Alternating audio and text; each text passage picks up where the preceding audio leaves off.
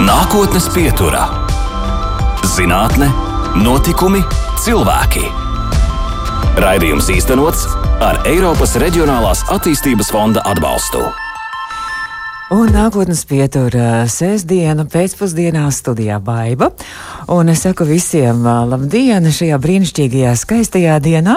Nākotnes pieturā mēs runāsim arī par ļoti, ļoti skaistām lietām un ļoti aktuālām lietām. Jo šodien ir svētki un arī 4. maijā ir kārtējie mūsu Latvijas neatkarības svētki. Un tradicionāli notiek arī gadu, jo pēdējos gados ne tikai balto galdautu gludināšana un klāšana, bet arī tautas tērpu pucēšana, jo mēs velkam ārā no skafiem, kam nu, tas ir savu tautas tērpu, lai varētu piedalīties arī tautas tērpu gājienā. Nu, diemžēl šogad jau otro gadu pēc kārtas virtuālais gājiens, bet nu, vienalga, es domāju, tas būs ļoti skaists un arī saviņojošs pasākums.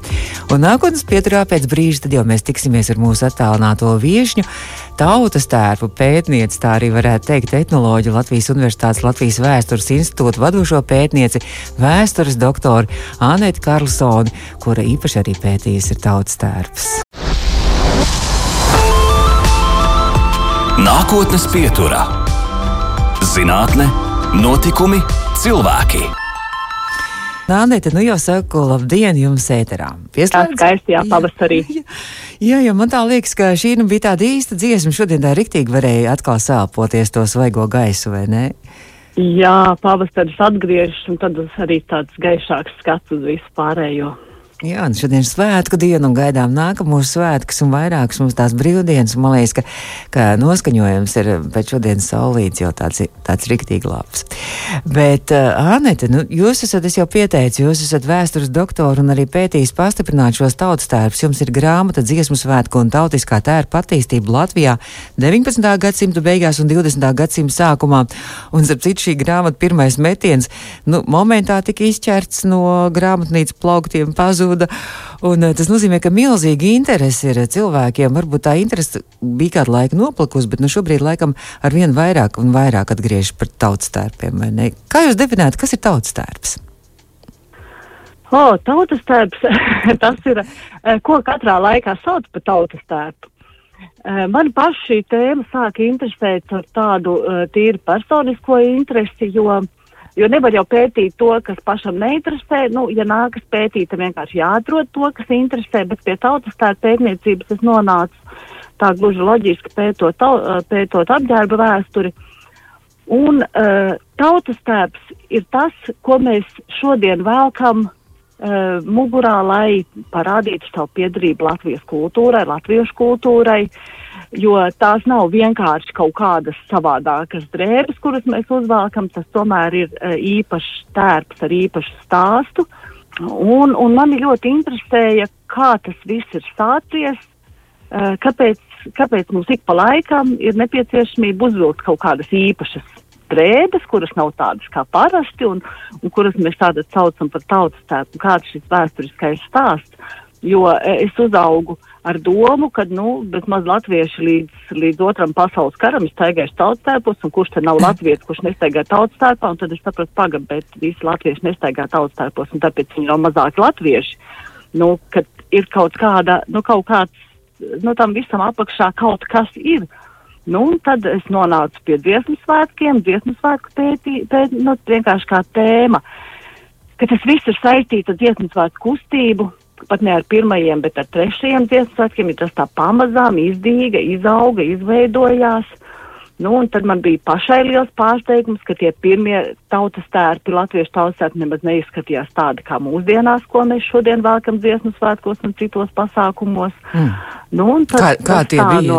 tie bija tie arheoloģiskie, vai tagad mēs tikai atgriežamies pie arheoloģiskiem? Nē, arheoloģiskie tērpi rodas vēlāk. Uh, viss ir cieši saistīts ar to, ko mēs un cik daudz mēs zinām par mūsu pagātni. Nu, tas viss ir ļoti, ļoti cieši saistīts. Mēs dažkārt pat neiedomājamies, cik ļoti tas atspūgļo mūsu zināšanas. Un tad tālajā 1888. gadā kad nu dziesmu svētku, uh, tie vīri, kas organizē dziesmu svētkus Rīgas Latviešu biedrībā, nonāca pie domas, ka tas būtu ļoti skaisti, ja latvieši sevi rādītu nevis tikai ar latviskām dziesmām vāciskajā Rīgā, bet arī ar īpašu apģērbu. Nu, tad tāds jautājums, kāds tas latviskais apģērbs varētu būt, jo nu, to laik viss staigāja jau pilsētas modes apģērbā. Mm -hmm. nu, tad, tad nu, kaut kas jau zināms drusku bija, bet ne tā ļoti daudz. Un tad no tām druskām uh, nu, tur arī bija dažādi viedokļi. Viena doma bija to, ka vajag to sameklēt, kāds tad bija tas vecu, vecais, senu, senais latviešu zemnieku apģērbs. Un tad citiem teica, nē, mēs brīvie latvieši nestaigāsim vergu laika drēbēs, jo nu, es domāju, kāda vergu laika, kāda brīvie latvieši, bet, nu, 19. gadsimta beigas ir dzimbūšana ir atcelta jau pirms kāda laika. Uh, latvieši, latvieši ir brīvs, brīvs savā pārvietošanās iespējās, brīvs pirkt zemi, būt zemes īpašnieks, kas ir tomēr ļoti svarīgi tautas pašapziņai. Nu, un arī līdz ar to viņš savā apģērbā grib rādīt, ka viņš ir kaut kas savādāks nekā toreiz tie arāji, jo latvietis un zemnieks bija sinonīms daudzus gadus simtus.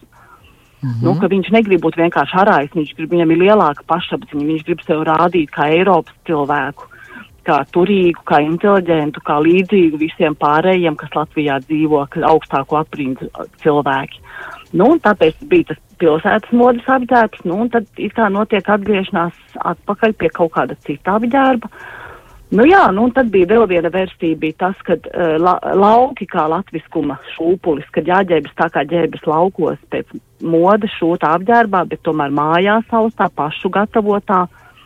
Nu, tas arī īsti tā kā neiesakņojās, nu un tad guva tā kā virsroku tas, ka vajag veidot jaunu, modernu apģērbu, jo Latvijas ir moderns cilvēks, viņš ir laikmatīgs, viņš iet laikam līdzi, bet ar latviskām iezīmēm, nu, ko un toreiz saprata.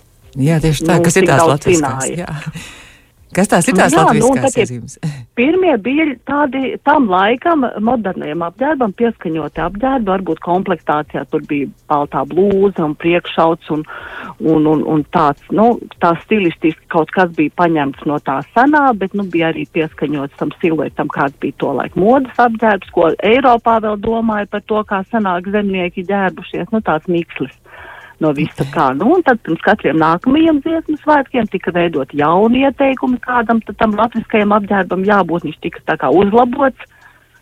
Un, un tad tika tautas dziesmas izmantotas par to, par to avotu, no kā smelties zināšanas, bet nu, tās tautas dziesmas to laiku tā ļoti tieši burtiski pārlika, ja tautsdziesmās minēta zīdas vārki vai zīda jostas, nu tad teica, nu kāpēc latvieši nevar staigāt zīdas vārkos mm. ar zīda jostu, nu un tad bija zīda tautas stērps.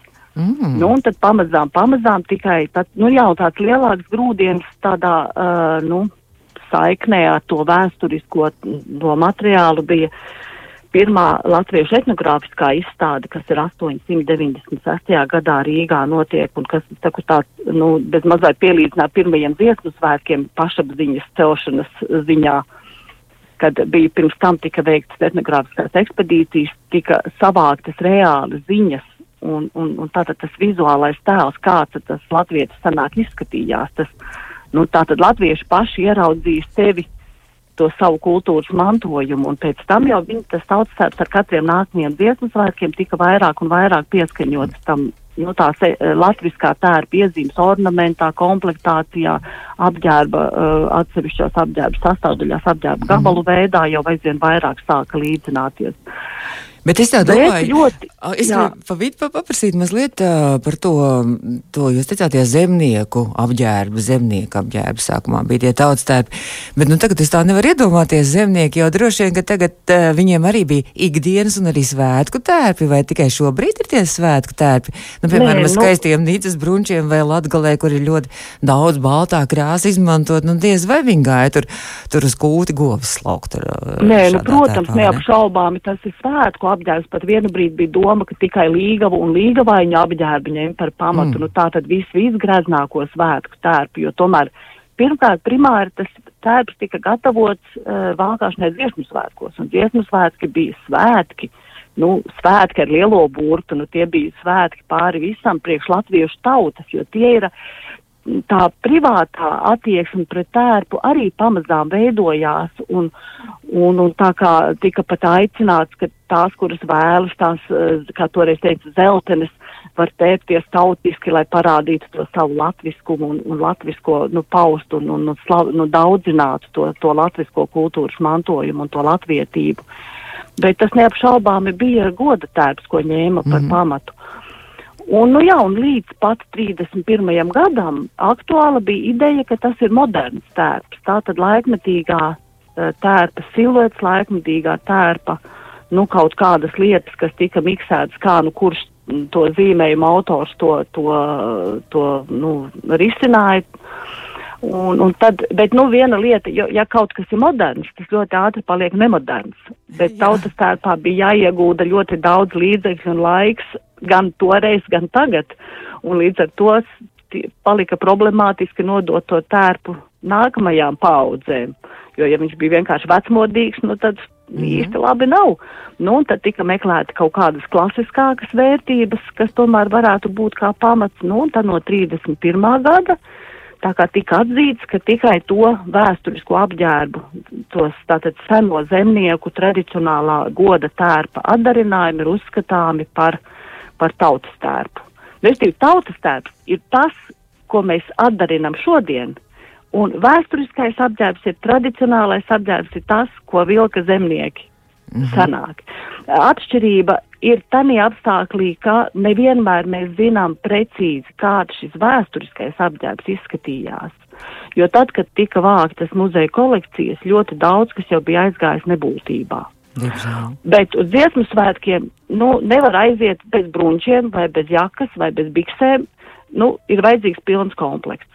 Nu, tāpēc pētnieki e, no tā materiāla, kas bija savākts, taisīja tās rekonstrukcijas, kur mēģināja tā kā atbilstoši tā laika zināšanām salikt kopā, ko ar ko varētu salikt. Protams, skaistākās, gražnākās lietas, jo mums ir jāparāda viss, viss, viss skaistākais, kas mums ir. Nu, jo vairāk attīstās apģērba vēsture, jo vairāk ir tie gadījumi, kad mēs redzam, ka tā komplektācija varbūt īsti neatbilst. Un te ir tas, ka uh, mēs neizdomājam apģērbus no zila gaisa. Viņi ir tiešām reālo vēsturisko apģērbu gabalu atdarinājumu mūsdienās. Bet tas, kas ar ko tika salikt kopā, mm. nu, tas. Uh, dažkārt ir strīdīgs. nu, jā, galvenais, lai tikai skaisti un tā kā pašam liekas, ka tas varētu būt arī tā kā nu, tautisks. Gal galā virsuzdevums, tautiskērpam virsuzdevums ir rādīt mūsu kultūras mantojumu, tiešām reālo latviešu kultūras mantojumu visā tā greznumā un košumā un skaistumā. Nu jā, un tad, kad radās jau, nu, vairāk attīstījās arheoloģiskie pētījumi un, un, un uh, bija tā teikt pamats nu, ma pietiekoši materiāls, lai veidot šīs arheoloģiskā tērpa, nu, jeb 9. 13. gadsimta seno, la, nu, Latvijas teritorijā dzīvojošo sentautu mm -hmm. tērpu atdarinājumus. Tad arī tos, tika, iz, tos sāka izmantot kā tautas tērpu. Tad, restīvi, tautas tērps ir gan balstīts uz etnogrāfisko materiālu, gan uz arheoloģisko materiālu. Un vienkārši tautas valodā sakot, mēs sakam et etnogrāfiskais tērps vai arheoloģiskais tērps. Tas bija īsais kurs par tautas tērpiem? Jā, ļoti īsti. Mums laiks mazliet uzspēlēt mūziku, un tad mēs turpināsim droši vien arī par kādām praktiskākām lietām. Un mūsu studijas viešņa šodien ir pētniece, vēstures doktore Anita Karlsone. Tā un tādās tautiskās noskaņās mēs turpinām arī nākotnes pieturu. Šo rēdījumu varat noklausīties arī pēc tam mūsu audio saitē, mūsu mājaslapā un arī podkāstos lielākajās straumēšanas vietnēs nākotnes pieturu. Nākotnes pieturā. Un nākotnes pieturas viesiņa mums šodien, protams, kā attālinātā viesiņa, kā jau tajā pēdējā laikā tas notiek. Um, Vēstures doktore, etnogrāfe un arī tautas tērpu pētniece Anita Karlsone. Anete, mazliet pārtraucām dziesmu, lai varētu turpināt. Es domāju, ka mums noteikti arī ir jāparunā par praktiskām lietām. Jo šobrīd man tā liekas, es nezinu, vai jūs arī man piekritīsiet, ka šobrīd ir nu, ne tikai koros, ne tikai deju kolektīvos, ir uh, folkloras ansambļos, ir uh, liels gods tos tautas tērpus valkāt, bet ir uh, droši vien, ka daudzi un daudzas vēl jau vairāk savā īpašumā arī pamazām grib iegūt šo tautas tērpu vai nu pašas darinot, vai pamazām arī pasūtot kaut kur pie meistariem. Un tad nu, mazliet par to tautas tērpu darināšanu mēs varētu parunāt.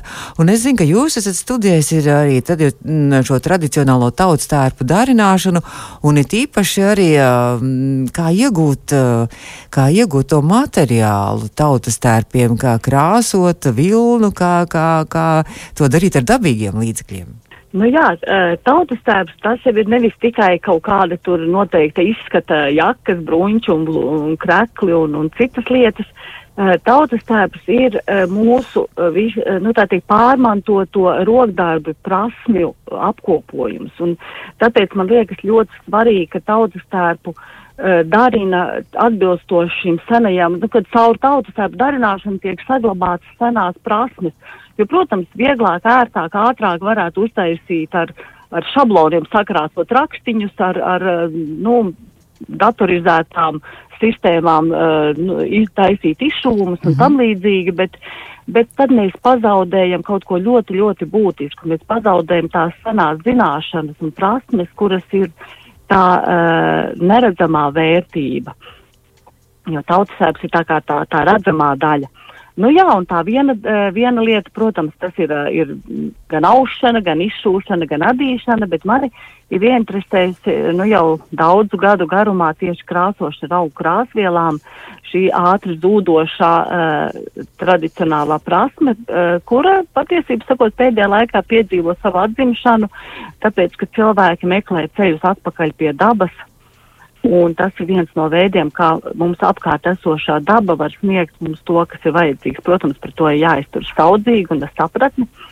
Nu, un, un tāpēc es esmu, tā ir mana, arī mana pētnieciskā tēma. Izzināt, kā, kā sanāk tika la, Latvijā krāsot, ar kādiem augiem, ar kādiem paņēmieniem.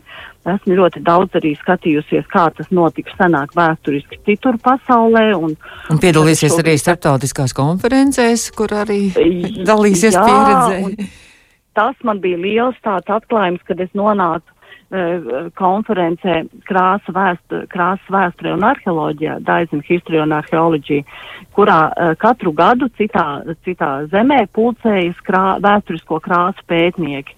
Un kad es pirmoreiz nonācu šajā konferencē, kura varbūt nebija ļoti, ļoti liela, tur bija kaut kādi 150 cilvēki, bet es klausījos un pilnībā bija tāds, es tā kā sūklītis uzsūcu visu to informāciju, kā caur krāsu pētniecību var pateikt tik daudzas citas lietas. Tās ir uh, ne tikai nu, tā, tā, tas, kas ir tieši varbūt uh, kaut kāda krāsu gāmu izjūta un skaistuma izpratne un, un kaut kāda tā, tādas lietas, bet, bet arī tirznieciskie sakari, ekonomiskie sakari, krāsu nozīmība, krāsa kā simbols, kā statusa rādītājs tie ir arī prasmju attīstība, uh, nu, iegūt, kā var dažādas krāsas iegūt, jo principā ar dabas krāsām var iegūt iegūt visu varavīksnes spektru, nu, jebkuru krāsu. Vai mēs varam? Jautājums kaut... tikai grūtāk mm -hmm. vai vieglāk. Mēs varam kaut kādu konkrētu arī piemēru. Es eh, lasīju, ka, ka jūs sakat, ka esat vairāk nekā 124 augu sugas, eh, kas minētas etnogrāfiskajos pierakstos, ar kurām tad var arī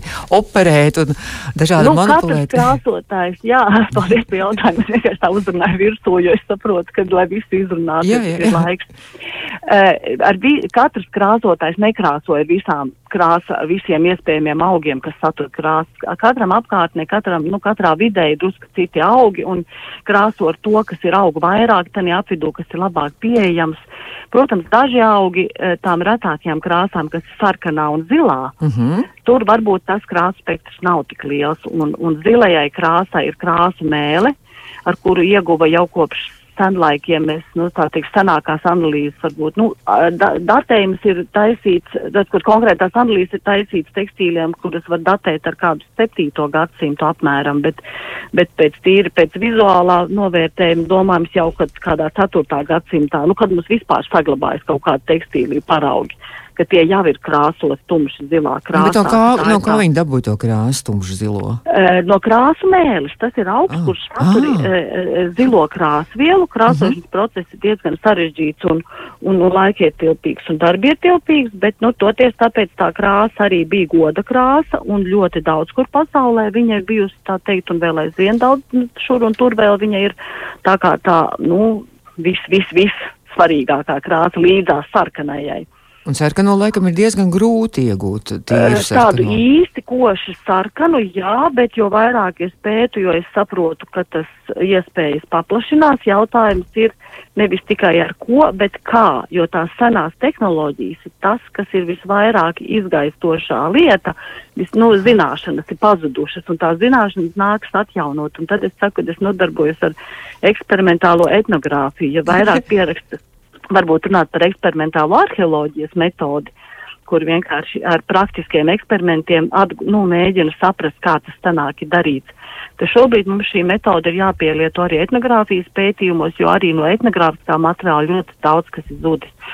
Nu, un tas, kas satur sarkano krāsu visvairāk, tās ir madaras, jeb uh, galliju dzimtas augi. Mm. Eiropā visvairāk krāsoja citu augu, kas ir radniecīgs. Kā es saku, mūsu uh, madaras ir ziemeļu un abaga radinieces, rubijām, kas ir uh, dienvidu bagātnieces, jo tām ir daudzreiz krāso ar saknēm. Un uh, tās rubijām ir daudzreiz resnākas saknes, bet rubijas, piemēram, angliski saucas mother, un mother red, angliski, nu, mother mm. sarkanais, ir tās, nu, principā viņas ir mūsu madaras, ir madaras, tāpēc, ka rubijas tiek saukta par madarām. Mm, cik interesanti, jo liekas, ka madaras mums tradicionāli ir baltas vai dzeltenas, jā, bet. Ziedi, jā, jā. ziedi, mm -hmm. jā, mhm. bet saknes ir mm -hmm. sarkanas, un saknes ir tās, kas dod uh, košu sarkanu krāsu, tiešām reālu sarkano krāsu. Bet nu, arī tur ir vajadzīgs viņas ļoti daudz, un, un tur ir arī visādi smalkumi jāzina, lai sanāktu. Bet, ar, bet sarkanu uh, var nokrāsot arī ar bērnu grebzdiem, tātad to kārtiņu, kas ir zem tās un starp koksni, kas liekas pilnīgi kaut kas tāds, nu tāda burkāna krāsa tur bērnam ir. Bet, eh, nu, tur es vēl arī savus eksperimentus turpināšu, lai saprastu, cik koši sarkanu var ar bērnu dabūt, bet, nu, reāli krāsu, ko var saukt par sarkano, nu, tā tad nevis tikai krāsu pētnieki, bet arī cilvēks vienkāršais. Bet, bet, bet nu, jā. nu, jā, tas ir ļoti interesanti. Ir daudzas lietas, kuras kuras ir, jo pieraksti tie, kas ir saglabājušies etnogrāfiskajos materiālos, uh, bieži vien vairs nesatur precīzo receptūru. Nu, bet es domāju, ka mums vienkārši, kad ar tiem krāsoja tādu un tādu krāsu, bet kā, mm. tas vairs nav zināms. Bet, domāju, mūsu senās Latvijas ir bijušas nu, tiešām ārkārtīgi gudras un nu, nu, īstas mākslinieces, ja, ja spēja atrast šīs krāsas, nu tikai atrast, kā tās krāsas, nu, teiksim, iegūt, bet, bet droši vien, ka ne jau tās saknes tur samet katlā un vāru un, un iemet dzīvu un, un nokrāsot. Tur droši vien vēl kaut kāda knifiņa un kaut kāda noslēpuma ir, kā, kā tās krāsas. Nu, katram, katram augam ir sava tehnoloģija, un, kā es pati saku, ir jāiemācās ar krāsot ar, ar ar katru augu, es gad, nu, katreiz mācos tā kā no jauna, jo ir viena standarta receptūra, bet tā, eh, tām smalkajiem uh, toņiem, nu, tām, tām košajām krāsām nevienmēr der, un tad ir jāmēģina saprast to augu, tā kā sadzirdēt, sajust, kā viņš uzvedās, kā ar viņu. Jo, nu, krāsošana augu krāsvielām ir ļoti, ga, nu, ir la, garš, ilgs process, kurš, kas nav dažās stundās izdarāms, vienkārši ir tā kā, nu, jā, jāpierot pie domas, ka tas ir lēns process, jo, mm -hmm. ja mhm. gribēs kaut ko sasteigt, tad nesanāks. Es Bet skati... nav teikts, ka tautas tērpu krāsoja tikai ar augiem, jo tautas tērps, nu, tas laiks, kad, uh, nu, ne tautas tērpu, ja būsim precīzi ikdienas sarunu valodā, jo tā kā gribas teikt par tautas tērpu arī runājot par vēsturisko apģērbu, bet tātad šis senais goda apģērbs tika krāsots ne tikai ar, ar augu krāsām, bet arī ar ķīmiskajām krāsām, jo 19. gadsimta 60. gados atklāja pirmās anilīna krāsas sintezē, un tad viņas ienāk lietojumā ļoti strauji, un arī latviešu zemnieks bija moderns cilvēks, un viņš krāsoja ar visu, kas viņa rīcībā nonāca. Un līdz ar to 60. un 70. gadi vēl ir laiks, kad valkā tradicionālu apģērbu vēl, un viņu arī gatavo atbilstoši tā laika iespējām, un ķīmiskās krāsas ir 60. un 70. gadu aktualitāte. Bet runājot par tādiem ticējumiem, um, vai tas ir taisnība, ka dzīve ir jākrāso jaunā mēnesī, un tad tur arī būtisks tas ūdens, un vēl visādi tur tādi knifiņi un burvestības? Esmu mēģinājusi eksperimentēt ar mēnešu fāzēm, bet ļoti būtisku ietekmi tas neatstāja. Kaut gan eh, tā kaut kur zemapziņā man sēž tas, ka noteikti kaut kāda ietekme ir. Uh, varbūt ne ļoti būtiska, varbūt es tā varu labāk vai sliktāk nokrāsot, bet ne tik būtiska, ka nevar nokrāsot nemaz. Jo krāsošana, nu, principā, jebkurā laikā krāsojot, var nokrāsot. Nav tā, ka, teiksim, vienā mēneša fāzē sanāk Jā. tikai pelēks un otrā sanāk sarkans. Bet kā ar to jūsu padomu? Jūs esat devusi padomu, ka, ka senāk arī, un ka tā var darīt, ka, lai labāk tā krāsa ķertos, tad ja, to dzīvi vai to audumu ier, iero kaitu kūtī, aitu mēslos. Eh, tas ir konkrēti, eh, tā ir um, pat nevis audumu vai dzīvi, bet tas ir um, saistībā ar tumši zilās krāsas iegūšanu. Viņu raudzē, viņu raudzē sārmainā vidē un senāk latviešu zemnieku sētā vienkāršākais veids, kā dabūt sārmainu vidi, kas nebojā šķiedru, ir raudzēt urīnu. Mm. Un, bet viņš ir jātur siltumā, jābūt tādai inkubātoru temperatūrai, tā kā, nu, kad jābūt vis, patstāvīgam siltumam. Nu, un tad tā aitu kūtī, kurā ir tie pakaiši samīdīti kopā ar mēsliem, tā, tā ir, kā es smējos, aitām ir siltā grīda jo tie salmi trūd pamazām un arī tie mēsli ir sākotnēji silti un viņi veido tādu vienmērīgu siltu te temperatūru. Un tad ir pieraksti, kuri teica, ka aitu kūtī tātad šajos pa ziemu sakrājušajos pakaišos, kas bija stipri biezs slānis, izraka te izcirta tādu caurumu, kurā ielika to krāsojamo podu, nosedza, nu un tad viņš tur bija tādā siltā līgstiņā. Mūsdienās ļoti veiksmīgi var krāsot kompostu kaudzē vai uh, atrast saulainu vietiņu piesaulē, saulainā pusē, vai, vai turēt ūdens, silta ūdens baļā, vai nu, dažādi citādi veidi, bet nu, tas ir tas no senajiem. Cik ilgi tajā kompostu kaudzē jātur tagad vasar, tu, tuvojas kāds jau varbūt, kas uh, no dažām dienām līdz nedēļām, tas ir atkarīgs no konkrētās temperatūras, no konkrētās krāsas, kā tas process notiek. Es tā ļoti precīzi to es esmu vairākas reizes krāsojis, bet vienmēr tas ir tā kā uz intuīciju, uz izjūtu. Tur ir ļoti daudz dažādu apstākļu, kas to ietekmē. Mēs turpinām sarunu nākotnes pieturā ar mūsu viešņu etnoloģu Latvijas Universitātes Latvijas vēstures institūta vadošo pētnieci, vēstures doktori Aneti Kārlsonu. Nākotnes pieturā - zinātne, notikumi, cilvēki. Jā, Anita, un gribu vaicāt, es jau gribēju vaicāt, vai jums pašai ir savs tautas tērps, un man ir pilnīgi skaidrs, ka ir, jo, jo jūs dziedat korību. Jā. Jā, par savu kori sauc ļaudonas pagastu jaukto kori, lai top, un tas ir arī uh, saistībā ar šo pēdējo dziesmu, kāpēc es izvēlējos šo dziesmu, jo pirms vairākiem gadiem mēs ar kori bijām uz pēcības rakstu rakstu koncertu, nu, un, un tad mums no tām visām dziesmām šī kaut kā iekrita tā kā sirdī un prātā, un mūsu toreizējā diriģente Anita Melnupa sameklēja arī kora versiju šai dziesmai, un kopš tā laika mūsu kora uh, repertuārā ir arī apkalmanu kumeliņa. Jā, es esmu kora dziedātāja, es esmu uh, bijusi un varbūt arī var teikt, ka šobrīd vēl aizvien esmu arī folkloras cilvēks, kaut gan koris jāteic godīgi ir ņēmis tā kā virsroku šobrīd. Bet esmu bijusi folkloras kustībā kopš tās pirmsākumiem astoņ, no 80. gadu vidus. Bet, nu, tā tad man ir tautas tērps, man ir pašai savs tautas tērps, mm -hmm. kurā, kuru es vilku arī savās kāzās. Eh, man ir uh, kora tērps, man ir arheoloģiskais tērps, jo kopā ar ģimeni uh, gandrīz desmit gadus esam bijuši diezgan aktīvi vēstures rekonstrukcijas kustības dalībnieki. Un jā, tā ka tērps man ir ļoti personīga attieksme ar tērpu, bet caur to es varu arī labāk saprast kāda, kā tas ir, nu, to tērpu ikdienā vilkt, vai nu neteiksim ikdienā, bet nu svētku gadījumos vilkt, un, un kā tas, kā viņas dzīvo mūsu sabiedrībā. Bet es par tām emocionālajām sajūtām gribēju mazliet arī, jo man tā liekas, ka dziesmu svētkos, kad skaties, tad Ai, visi koristi, visas meitenes un dejotāji ir tik skaisti un tik apgaroti, un viņam, man liekas, ka tas tērps arī ne tikai dziesmu rada to kopības un to laimes un, un to tādu skaisto to sajūtu, gribās to galvu izsliet augstāk un atliekt plecs un iztaisnot muguras, acis, mirdz un paši arī staro, un man liekas, ka tas ir liela nozīme arī tērpam tomēr.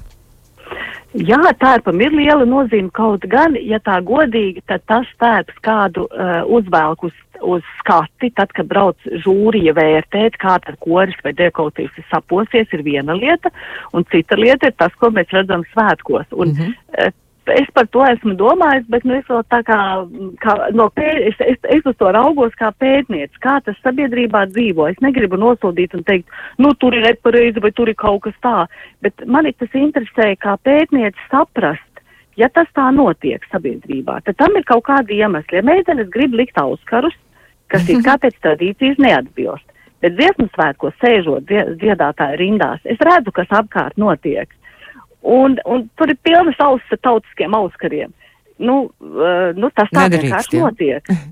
un, nu, uh, tas, ne, tas neatbilst tradīcijai, jo ir, nu, ir kaut kādi kanoni noteikumi, kā tas ir. Bet svētkos sievietes grib ģērbties tā, kā viņas grib ģērbties, un viņām ir pilnīgi vienalga, ko saka komisija. Jo svētkos neviena komisija viņas nevērtē. Un tad man kā pētniecei ir, es tā kā bā, skatos, vērtēju, un, un man ir tā kā tas nu, tāds skats no malas. Man negribas teikt pareizi, nepareizi. Man drīzāk gribas saprast, kāpēc tā notiek. Kas ir tas, ko Nu, cilvēks sajūt, uzvelkot tautas tērpu. Jo tautas tērps tiešām rada īpašu sajūtu. Nu, tas, Mm -hmm. tas, tas nav jebkāds tērps, jo tā ir saikne ar mūsu kultūras mantojumu, ar mūsu, mūsu senčiem, un tāpēc arī mēs esam, mums ir pienākums pret tautas tērpu. Mēs nedrīkstam būt nevīžīgi, noplīsuši, netīri, eh, jo tas ir goda tērps. Mēs ar to rādam savu kultūras mantojumu, un tas, kādi mēs esam, tā par, nu, mēs esam vienkārši tā kā tāds, tā kā tāda vizītkarte šim kultūras mantojumam, un līdz ar to mums ir pienākums pret viņu. Aneti, tagad ā, 4. maijā, nu jau tradicionāli sesto gadu šogad arī virtuālais tautas tērpu gājiens notiks. Zinu, ka daudz kora arī kolektīvi, ne tikai Latvijā, arī ir ārpus Latvijas piedalīsies tajā un gribēs to svētku sajūtu radīt sev un arī citiem. Nu, 4. mājas ir skaidrs, jā, šajā gājienā. Bet nu, šobrīd arī man liekas, ka tāda, nu, vai modes, vai tā patriotisma lieta, ka, ka jau ar vien vairāk cilvēku grib arī savā īpašumā iegūt šo tautas tērpu, un tad nu, pamazām vai nu tur brunčus darināt, vai, vai, vai kādu saktiņu nopirkt. Kā jūs skatāties uz to? Vai ir iespējams tikai kādu vienu detaļu vilkt, un tad pamazām, pamazām krāt, krāt, lai tas tautas tērps pilns sanāk? Es domāju, beigās? jā, un, pat tas, un tas pat varbūt ir labākais ceļš nekā, nekā gaidīt, kad nu būs pilnīgi, pilnīgi viss, jo arī šīm atsevišķajām detaļām ir plašāks pielietojuma iespēja, plašāks pielietojuma iespējas. Un, uh, Jo vēl runājot par to, kāpēc uh, mūsdienās aizvien nu, tāds populārāks kļūst šis tautas tērps, es domāju, ka tas tādās lielās līnijās ir saistīts ar to, ka pasauli kopumā kļūst aizvien kosmopolītiskāk un, un globālisms ņem tā kā nu, kļūst spēcīgāk, bet viss ir līdzsvarā. Jo uh, globāls, jau kaut kas tāds šis vispasaules vi- vienojošais, unificējošais kļūst spēcīgāks, jo pretstatā eh, tā kā eh, pieaug arī tā vēlme pēc tā īpašā, tikai sev raksturīgās, pēc savas identitātes meklējumiem, un, un tā, ka tas ir tādā līdzsvarā, un līdz ar to arī, jo vairāk cilvēki braukā pa pasauli un redz eh, to, nu, jo mēs esam visur. Mhm. Un tad mēs gribam būt nevis visur, bet mēs gribam būt mēs paši. Un caur to tautsēps ir viens no veidiem, kā parādīt, ka mēs esam mēs paši un ikdienā valkāt kādas atsevišķas tautas tērpa daļas, manuprāt, ir ļoti labs veids, kā To- tu vari ikdienā būt, nevis tikai svētkos, bet arī ikdienā. To drīkst parādīt. darīt. Drīkst to Bet, darīt. protams, bet, atsevišķi protams. Nu, mums raidījuma laiks ir bezgalā ātri paskrējis. Es gribu teikt jums paldies par šo skaisto iedvesmojošo stāstu, gaidot arī 4. maiju. Un droši vien, ka daudziem asarīgi nobira, zinot, ka nezinu, kā dziesmu svētki, kā būs dziesmu svētkos nākamajos, bet cerams, ka būs jau labi un ka atkal varēsim pulcēties un vilkt savus tautas tērpus. Jūs pati 4. maijā vilksiet tautas tērpu un piedalīsieties gājienā? Jā, es vilkšu, un man patīk, ka šajos svētkos, ka tā ir tāda brīva katra paša vēlme. Tas nav tā kā obligāti, ka visiem nu, ir jābūt obligāti, bet ka šajā gājienā piedalās tie, kas to grib. Mhm. Un līdz ar to, un redzot, cik daudz tādu cilvēku, kas to grib, un arī patiesībā sakot, cik viņi ir dažādi, tad vienkārši tā ir tā dzīvā aina, kādi tad mēs esam. Nu, tad novēlam visiem skaistus svētkus, un lai katrs tad uzvāk vai nu savu pilno tautas tērpu, ja nav tāda, tad varbūt arī kādu detaļu, jo mūsu uh, viešņa pētniece, etnoloģe, arī uh, vēstures doktorā Anita Karlsona atļauj, ka drīkst arī kādu detaļu tikai. Nē, tā nevajag teikt. jo ne es esmu tā, kuru var atļaut vai neatļaut. Tautas tērpu gājienā gan ir aicinājums piedalīties pilnos tērpos. Mēs runājam mm -hmm. par ikdienas Labi. vilkšanu, par ikdienas detaļām. Bet- Bet, bet, nē, es esmu tā, kuru varēs kaut ko atļaut, neaizliegt. Tā, tā gan nav. Šogad varot arī, būšot arī mākslinieci izstrādājis tādu rāmīti, ka tu varēsi arī savu fotogrāfiju ielikt arī uh, tautas tērpu rāmītī, ja pašam vēl Oh, nav. tas jau darbojas. Jā, uh, tad ir- senās klētas mājaslapā. Tā kā uz priekšu tiem, kam vēl nav, tad var izmēģināt arī šādu iespēju un uzpucēties šādi. Es saku jums lielu paldies un lai skaisti svētki. Un uh, lai skaisti arī vasara, un, un, un gan jau varbūt kādreiz atkal vēl parunāsim par tautas tērpiem. Uh, mūsu studijas attālinātā viešņa šodien bija pētniece, vadošā pētniece Latvijas Universitātes vēstures institūtā Anita Karlsona. Jā, paldies un uz redzēšanos. Izskan nākotnes pieturā. Raidījums īstenots ar Eiropas Reģionālās attīstības fonda atbalstu.